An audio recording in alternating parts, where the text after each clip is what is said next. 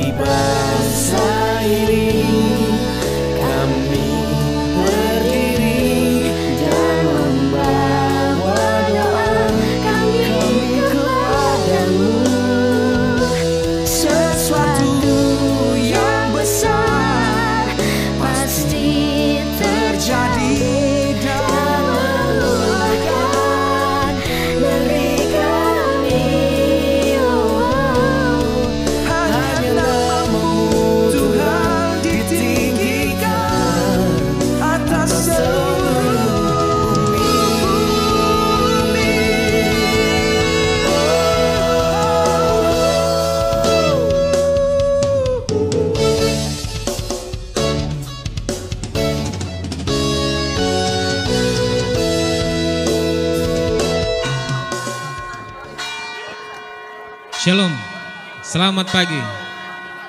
Selamat hari Minggu Jumat Gemim Immanuel Bahu. Saat ini kita akan beribadah bersama seluruh Jumat. Kita akan memuji memuliakan nama Tuhan di tengah-tengah pergumulan bangsa dan negara, pergumulan gereja menghadapi wabah COVID-19. Kita percaya dengan kita bersekutu terus dengan Tuhan, Tuhan akan bersama dengan kita semua. Tuhan akan menjaga, memelihara kita, melindungi kita sepanjang hidup kita.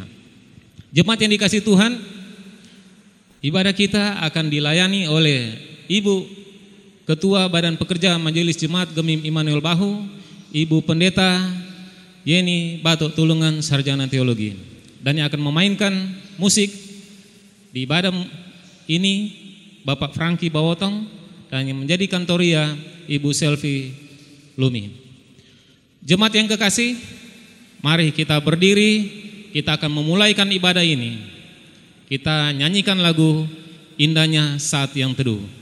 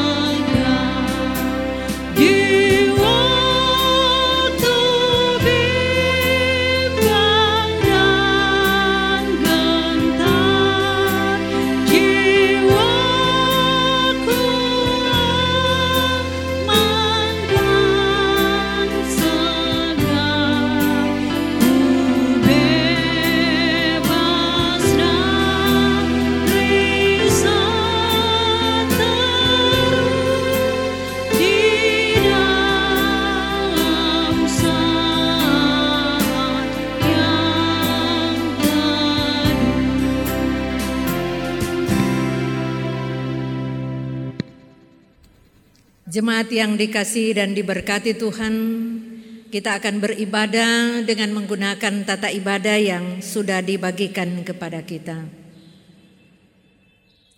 Kita percaya Tuhanlah yang menolong dan menguatkan kita semua sehingga boleh ada dalam persekutuan sukacita saat ini.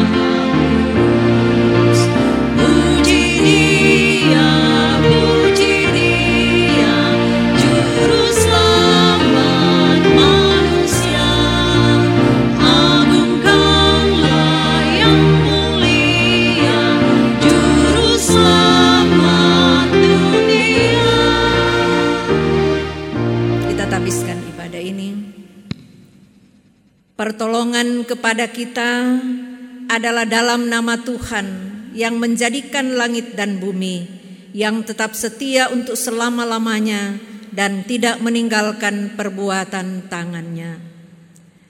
Kasih karunia dan damai sejahtera dari Allah Bapa kita, dari Tuhan Yesus Kristus, menyertai saudara-saudara. Lalu aku mengarahkan mukaku kepada Tuhan Allah untuk berdoa dan bermohon sambil berpuasa dan mengenakan kain kabung serta abu. Daniel 9 ayat 3.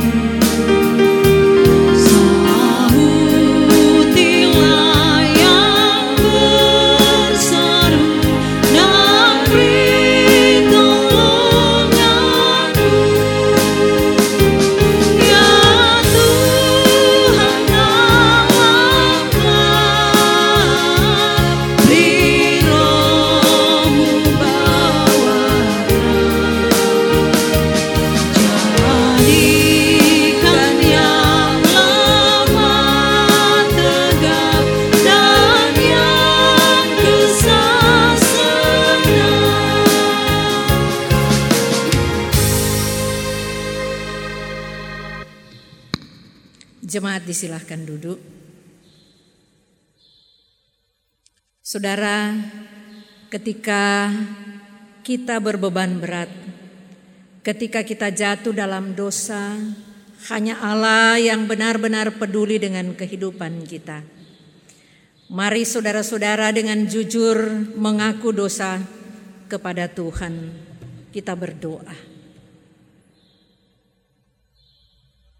Inilah kami umatmu yang menghadap engkau dalam kekudusanmu, yang menyadari akan segala kekurangan dan keterbatasan kami, bahwa kami jauh dari sempurna untuk melakukan segala yang kau kehendaki dan yang kau perintahkan. Banyak hal yang kami abaikan dari ketetapan-ketetapan, dari peraturan-peraturan, dari perintah-perintahmu dalam hidup kami.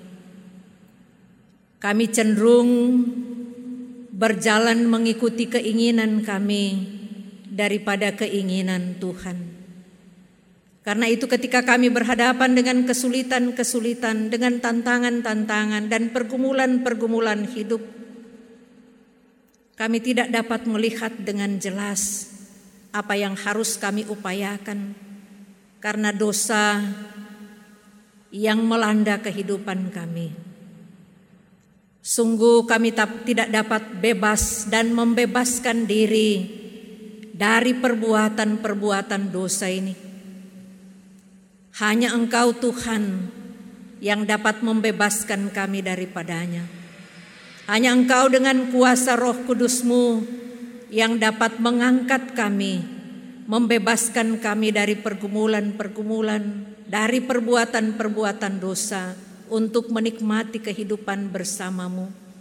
Sehingga kami layak dipakai olehmu untuk menjadi alat kesaksian, apalagi dalam situasi pergumulan bangsa, pergumulan gereja, tetapi juga sekaligus pergumulan dunia masa kini dengan wabah COVID-19 yang sampai saat ini masih belum teratasi.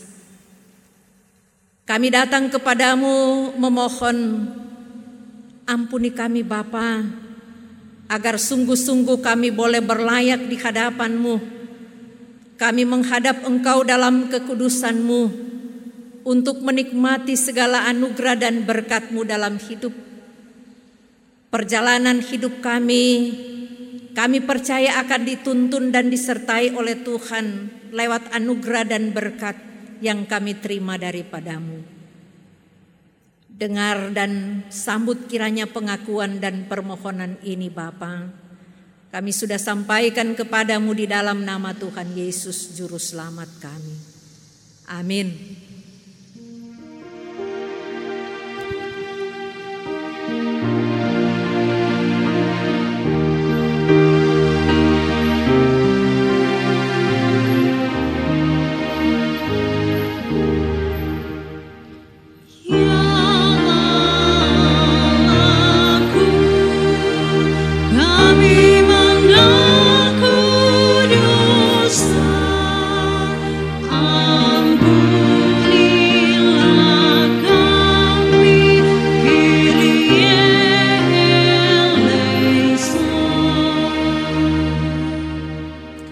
Saudara dengarkanlah berita anugerah Allah.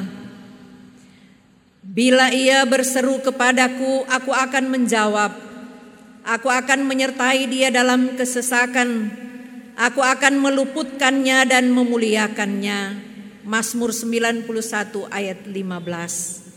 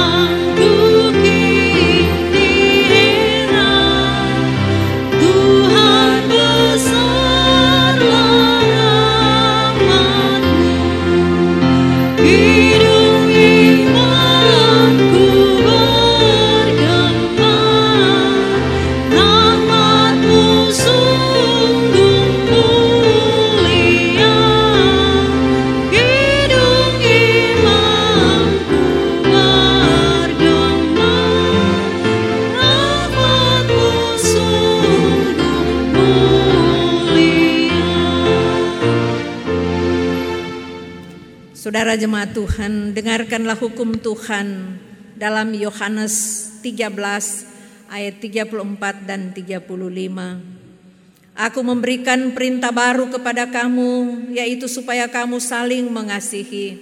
Sama seperti aku mengasihi kamu, demikian pula kamu harus saling mengasihi. Dengan demikian semua orang akan tahu bahwa kamu adalah murid-muridku, yaitu jikalau kamu saling mengasihi.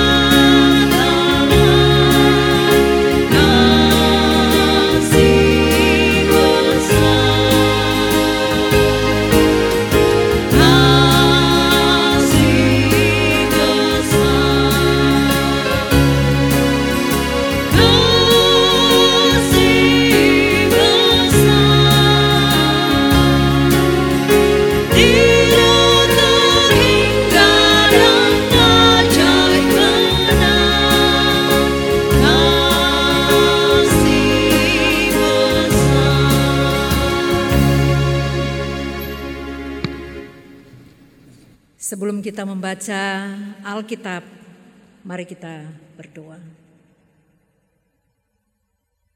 Bapa di sorga, di kesempatan ini, di tengah persekutuan beribadah kami, kami akan membaca dan merenungkan firman-Mu. Beri kiranya roh kudus-Mu menolong kami, mengerjakan dalam diri kami hikmat untuk memahami maksud firman-Mu. Sehingga firman yang akan kami baca dan renungkan saat ini betul-betul akan menjadi bagian dalam kehidupan kami menjalani hari-hari hidup sebagai umat yang percaya ke depan. Kami pinta doa ini kepadamu Bapa di dalam nama Tuhan Yesus. Amin. Kita akan membaca bagian firman Tuhan dalam Nehemia pasal 1 ayat 1 hingga ayat yang ke-11 dan jemaat diundang untuk berdiri. Nehemia pasal 1 ayat 1 hingga ayat yang ke-11. Riwayat Nehemia bin Hakalia. Pada bulan Kisleu tahun ke-20 ketika aku ada di Puri Susan, datanglah Hanani, salah seorang dari saudara-saudaraku dengan beberapa orang dari Yehuda. Aku menanyakan mereka tentang orang-orang Yahudi yang terluput, yang terhindar dari penawanan dan tentang Yerusalem. Kata mereka kepadaku, orang-orang yang masih tinggal di daerah sana, yang terhindar dari penawanan, ada dalam kesukaran besar dan dalam keadaan tercela. Tembok Yerusalem telah terbongkar dan pintu-pintu gerbangnya telah terbakar. Ketika ku dengar berita ini, duduklah aku menangis dan berkabung selama beberapa hari. Aku berpuasa dan berdoa ke hadirat Allah semesta langit, kataku, Ya Tuhan Allah semesta langit, Allah yang maha besar dan dahsyat, yang berpegang pada perjanjian dan kasih setianya terhadap orang yang kasih kepadanya dan tetap mengikuti perintah-perintahnya. Berilah telingamu dan bukalah matamu dan dengarkanlah doa hambamu yang sekarang kupanjatkan ke hadiratmu siang dan malam bagi orang Israel. Hamba-hambamu ini dengan mengaku segala dosa yang kami orang Israel telah lakukan terhadapmu. Juga aku dan kaum keluargaku telah berbuat dosa. Kami telah sangat bersalah terhadapmu dan tidak mengikuti perintah-perintah, ketetapan-ketetapan, dan peraturan-peraturan yang telah kau perintahkan kepada Musa hambamu itu. Ingatlah akan firman yang kau pesan kepada Musa hambamu itu, yakni, Bila kamu berubah setia, kamu akan kucerai beraikan di antara bangsa-bangsa. Tetapi bila kamu berbalik kepadaku dan tetap mengikuti perintah-perintahku serta melakukannya, maka sekalipun orang-orang buanganmu ada di ujung langit, akan kukumpulkan mereka kembali dan kubawa ke tempat yang telah kupilih untuk membuat namaku diam di sana. Bukankah mereka ini hamba-hambamu dan umatmu yang telah kau bebaskan dengan kekuatanmu yang besar dan dengan tanganmu yang kuat? Ya Tuhan, berilah telinga kepada doa hambamu ini dan kepada doa hamba-hambamu yang rela takut akan namamu dan biarlah hambamu berhasil hari ini dan mendapat belas kasihan dari orang ini. Ketika itu aku ini juru minuman raja. Demikian firman Tuhan yang berbahagia dan yang diberkati ialah mereka yang mendengarkan firman-Nya dan yang melakukannya. Amin. Jemaat dipersilahkan duduk. Tema ibadah kita di minggu ini berpuasa dan berdoa bagi bangsa. Saudara-saudaraku, jemaat yang dikasihi dan diberkati Tuhan, salam kasih dari Tuhan Yesus Kristus untuk jemaat sekalian. Kita bersyukur kepada Tuhan karena atas perkenanannya kita boleh beribadah di hari Minggu ini, minggu pertama di bulan Mei, walaupun masih harus beribadah di rumah masing-masing. Kita sudah membaca firman Tuhan dalam Nehemia pasal 1 ayat 1 hingga ayat yang ke-11 yang sekaligus menjadi bahan perenungan kita di minggu ini. Dari Alkitab kita belajar dan memahami bahwa Nehemia adalah tokoh penting dalam sejarah pasca pembuangan bangsa Yahudi. Dia adalah seorang Yahudi yang menjadi pelayan pribadi Raja Artasasta I, Raja Persia, yaitu sebagai juru minuman. Di kalangan kerajaan, juru minuman adalah jabatan yang tinggi.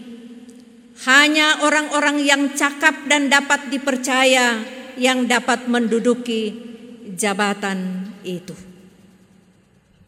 Kitab Nehemia bercerita tentang kehidupan bangsa Israel setelah kembali dari pembuangan di Babel. Diceritakan dalam perikop pembacaan kita, Nehemia yang adalah seorang warga buangan yang tinggal dan bertugas sebagai juru minuman raja mendapatkan kabar dari Hanani dan teman-temannya bahwa keadaan Yerusalem sudah porak-poranda dan orang-orang yang tinggal di dalamnya yang merujuk pada orang-orang yang telah kembali dari pembuangan di Babel maupun mereka yang tetap tinggal di Yehuda selama masa pembuangan mengalami kesulitan yang besar Tembok dan gerbang yang telah terbongkar dan terbakar menjadi bukti bahwa kota Yerusalem serta penduduk di dalamnya tidak lagi aman. Di zaman itu, tembok kota adalah hal yang sangat penting karena sebagai tempat berlindung bagi orang-orang yang tinggal di dalamnya. Makin tinggi tembok, makin kuat pertahanan kota dan makin aman umat yang tinggal di dalamnya. Umat ketika itu dalam keadaan tercela sebagaimana ungkapan firman Tuhan. Karena tidak ada lagi yang dapat diandalkan. Kesedihan meliputi Nehemia setelah mendengar berita tentang kehancuran Yerusalem dan tentang keadaan orang-orang di dalamnya. Saudara, kenikmatan hidup yang diperoleh Nehemia di istana Raja Artasasta tidak membuat dia melupakan negerinya dan orang-orang sebangsanya. Dan menarik Nehemia tidak memanfaatkan jabatannya untuk minta bantuan kepada Raja Artasasta. Dia sadar bahwa itu bukanlah jalan keluar yang tepat. Berpuasa dan berdoa kepada Tuhan semesta langit adalah jalan keluarnya. Merendahkan diri di hadapan Tuhan, menyadari akan segala dosa umat Israel, dosa pribadi dan keluarganya atas ketidaksetiaan pada perintah, ketetapan, dan peraturan Tuhan, dan memohon pengasihan Tuhan. Berpuasa memberi arti betul-betul merendahkan diri dan mencari Tuhan, mendekatkan diri pada Tuhan, dan menjalankan amanatnya agar terjadi rekonsiliasi atau perdamaian dengan Tuhan. Karena itu hal utama yang harus dibenahi dalam berpuasa adalah sikap hati yang bermuara pada tindakan-tindakan nyata. Tidak makan dan tidak minum tidak akan berarti apa-apa jika tindakan kita bertentangan dengan kehendak Tuhan. Saudara-saudaraku yang kekasih dalam Tuhan Yesus Kristus, dari kisah Nehemia ini, maka beberapa hal dapat kita ambil sebagai pesan dalam kaitan dengan situasi dan kondisi kita masa kini. Pertama, sebagai warga gereja kita terpanggil untuk bersama menggumuli perjalanan hidup bangsa Indonesia yang kita cintai ini yang di dalamnya gereja bertumbuh dan berkembang. Berdoa dan berpuasa, merendahkan diri, mengakui semua kesalahan dan kealpaan, semua dosa serta memohon belas kasihan Tuhan adalah sikap hidup yang dapat kita pelajari dari Nehemia. Sebab Tuhan pencipta dan pemelihara, dialah yang dapat menjawab setiap pergumulan yang kita hadapi. Dialah yang akan memberkati upaya-upaya yang dilakukan oleh semua pihak dalam kaitan dengan pandemi COVID-19 ini. Baik pemerintah dengan langkah-langkah bijaksana maupun para petugas kesehatan yang terus berupaya menemukan vaksin dan obat-obatnya seperti yang dilakukan oleh Hanani dan teman-temannya. Sudah hampir dua bulan kita dianjurkan untuk beraktivitas di rumah, belajar, bekerja bagi ASN, beribadah. Situasi yang kita semua tidak harapkan, tetapi itu harus kita jalani. Belum lagi pergumulan-pergumulan dari warga jemaat, warga masyarakat yang kehilangan pekerjaan sebagai dampak dari wabah corona ini. Semua ini menjadi pergumulan kita bersama, bukan hanya menjadi pergumulan dari pemerintah, bahkan pihak-pihak yang bertanggung jawab atasnya. Hal yang kedua, dalam situasi seperti sekarang ini, tidak ada yang dapat kita banggakan. Orang kaya, orang yang kurang beruntung, semua dalam status yang sama. Kita harus tinggal di rumah. Karena itu, kondisi ini harus mengajarkan kita untuk tetap rendah hati dan tidak lupa diri. Ketika kita punya jabatan, kedudukan ataupun kekayaan. Sedapat mungkin jabatan, kedudukan, kekayaan menjadi sarana untuk memberkati orang lain. Nehemia dalam kedudukannya yang tinggi di kerajaan Persia, dia menyatakan kepeduliannya terhadap orang-orang sebangsanya. Hal yang sangat luar biasa. Hal yang ketiga dari bagian ini, mari kita saling menopang, saling mendukung, saling berbagi sebagai warga jemaat, sebagai warga masyarakat menghadapi wabah COVID-19 ini. Jangan pernah melupakan Tuhan dalam setiap keadaan kita. Kalau mungkin selama ini kita lalai beribadah, lalai berdoa, Mari perbaiki dalam perjuangan hidup ke depan. Sebab sekarang ini kita harus berpikir bagaimana kita bisa bertahan hidup melewati krisis ini. upaya-upaya bagaimana mengembangkan apa yang ada pada kita, mungkin untuk sementara kita abaikan, tetapi bagaimana kita mau bertahan dan melewati ini, itu yang sangat penting dan harus menjadi catatan istimewa buat kita. Hal-hal inilah yang perlu kita catat dan menjadi pesan firman dari banyak pesan yang dapat kita ambil dari firman Tuhan ini untuk perjalanan hidup kita ke depan.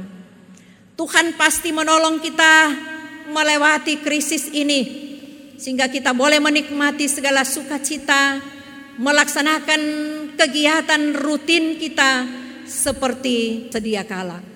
Tuhan memberkati. Amin. Jemaat Tuhan, marilah kita memberi persembahan dengan hati yang tulus.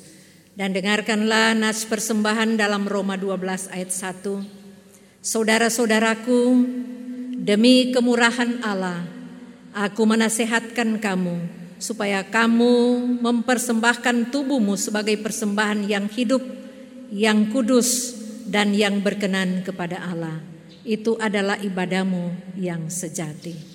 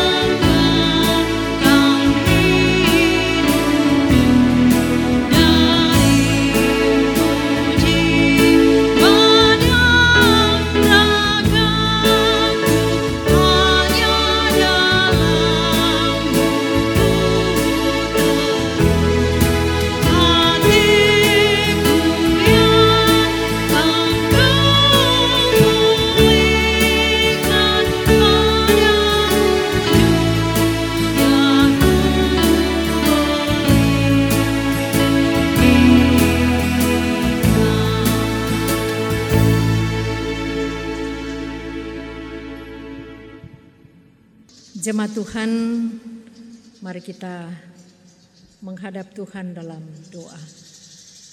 Kita berdoa. Tuhan Allah, Bapa, Anak, dan Roh Kudus, kami datang kepadamu dalam persekutuan beribadah ini. Kami bersyukur untuk kesempatan yang Tuhan berikan kepada kami umatmu yang sekalipun dalam kondisi social distancing,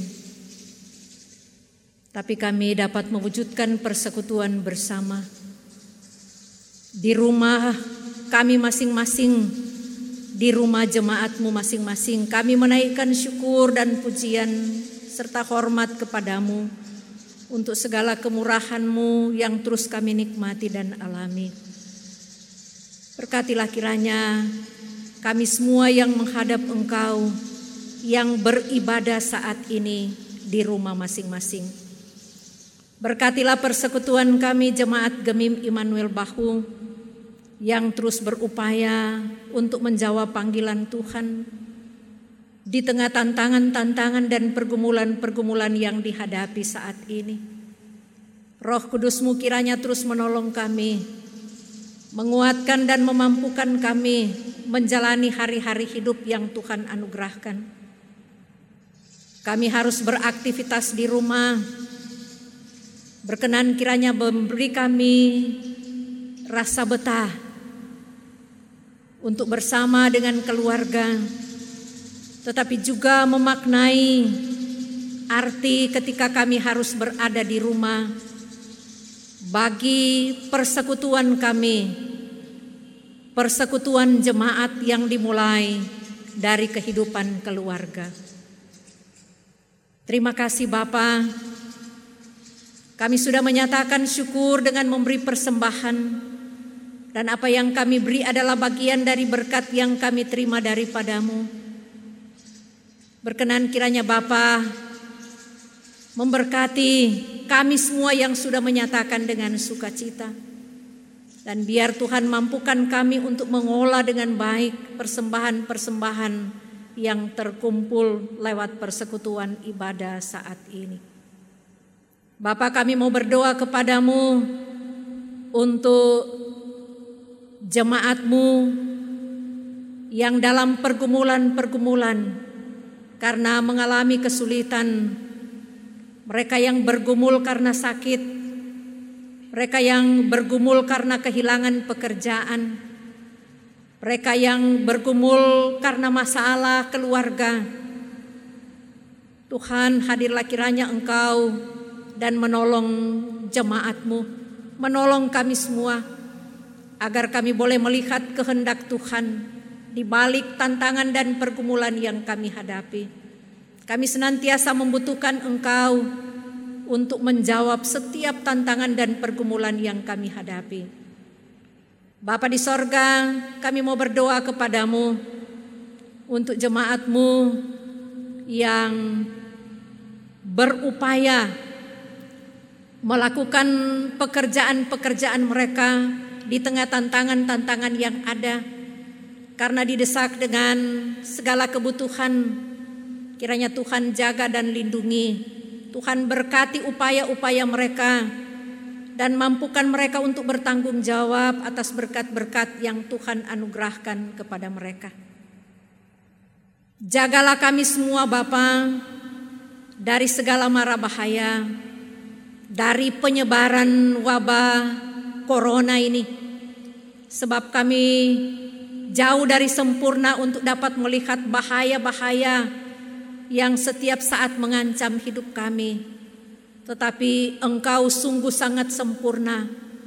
Engkau dapat melihat dan Engkau dapat menolong kami sehingga kami terhindar dari segala hal yang tidak kami kehendaki. Teristimewa dalam kondisi sekarang ini penyebaran virus corona.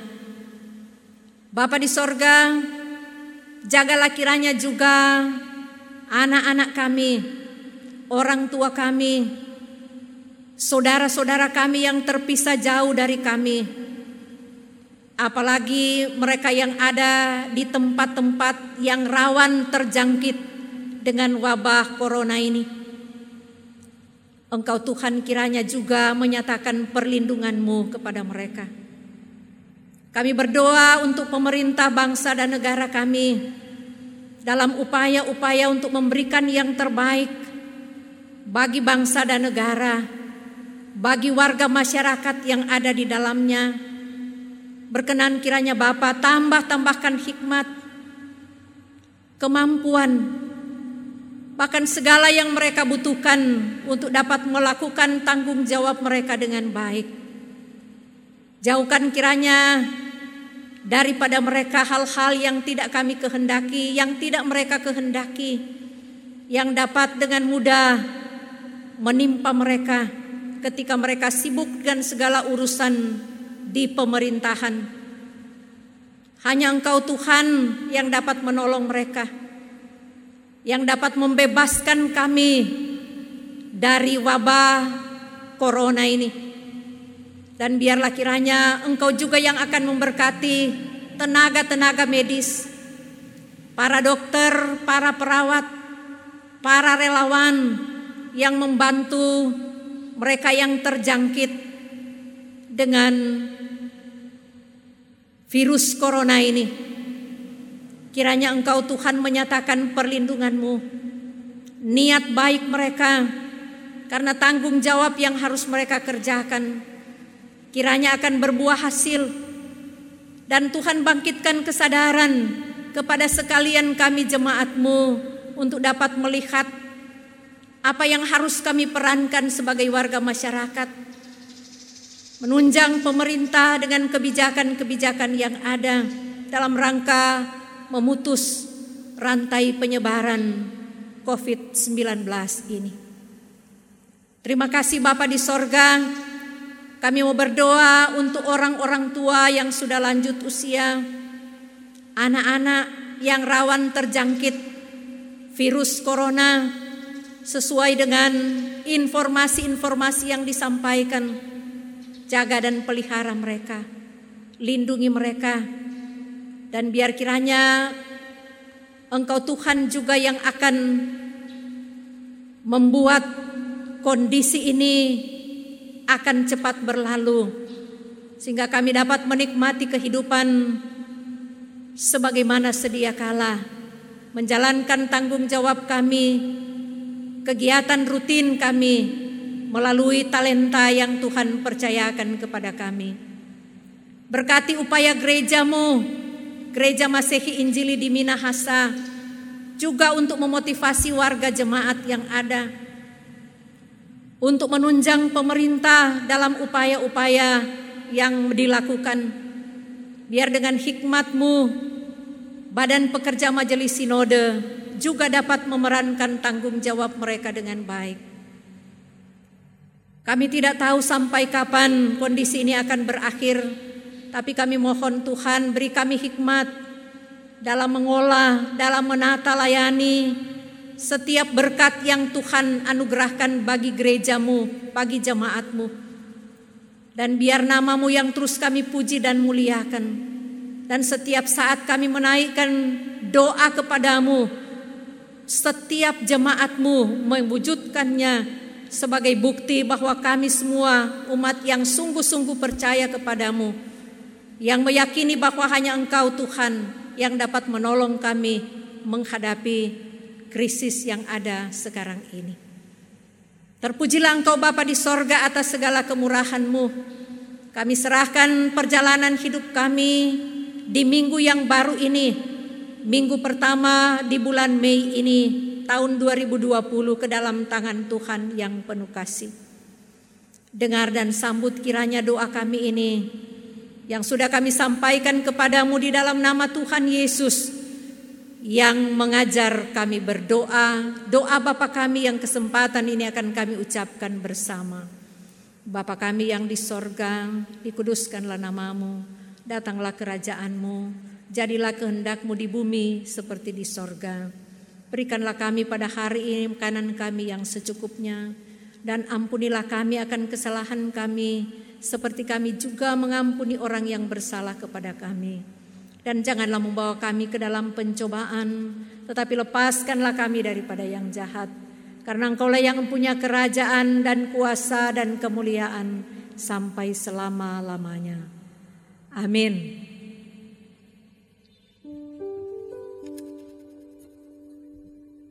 Jemaat diundang untuk berdiri. Nyanyian penutup kita, dia hanya sejauh doa.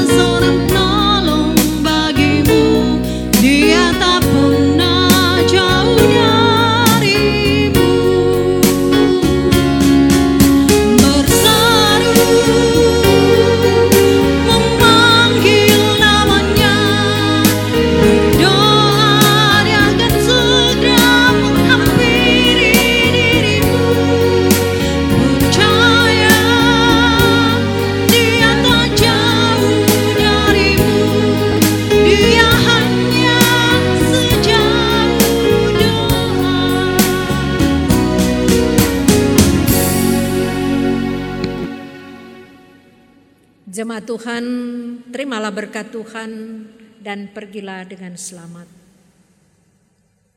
Tuhan memberkati dan melindungi saudara-saudara. Tuhan menyinari dengan wajahnya dan memberi saudara-saudara kasih karunia.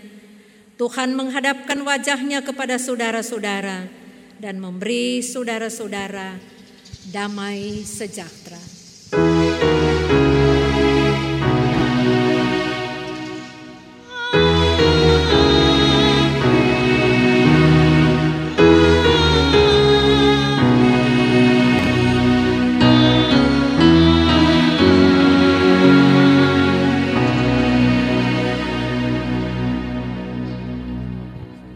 Demikianlah ibadah kita. Selamat menikmati hari Minggu bersama dengan keluarga kita. Tuhan Yesus memberkati.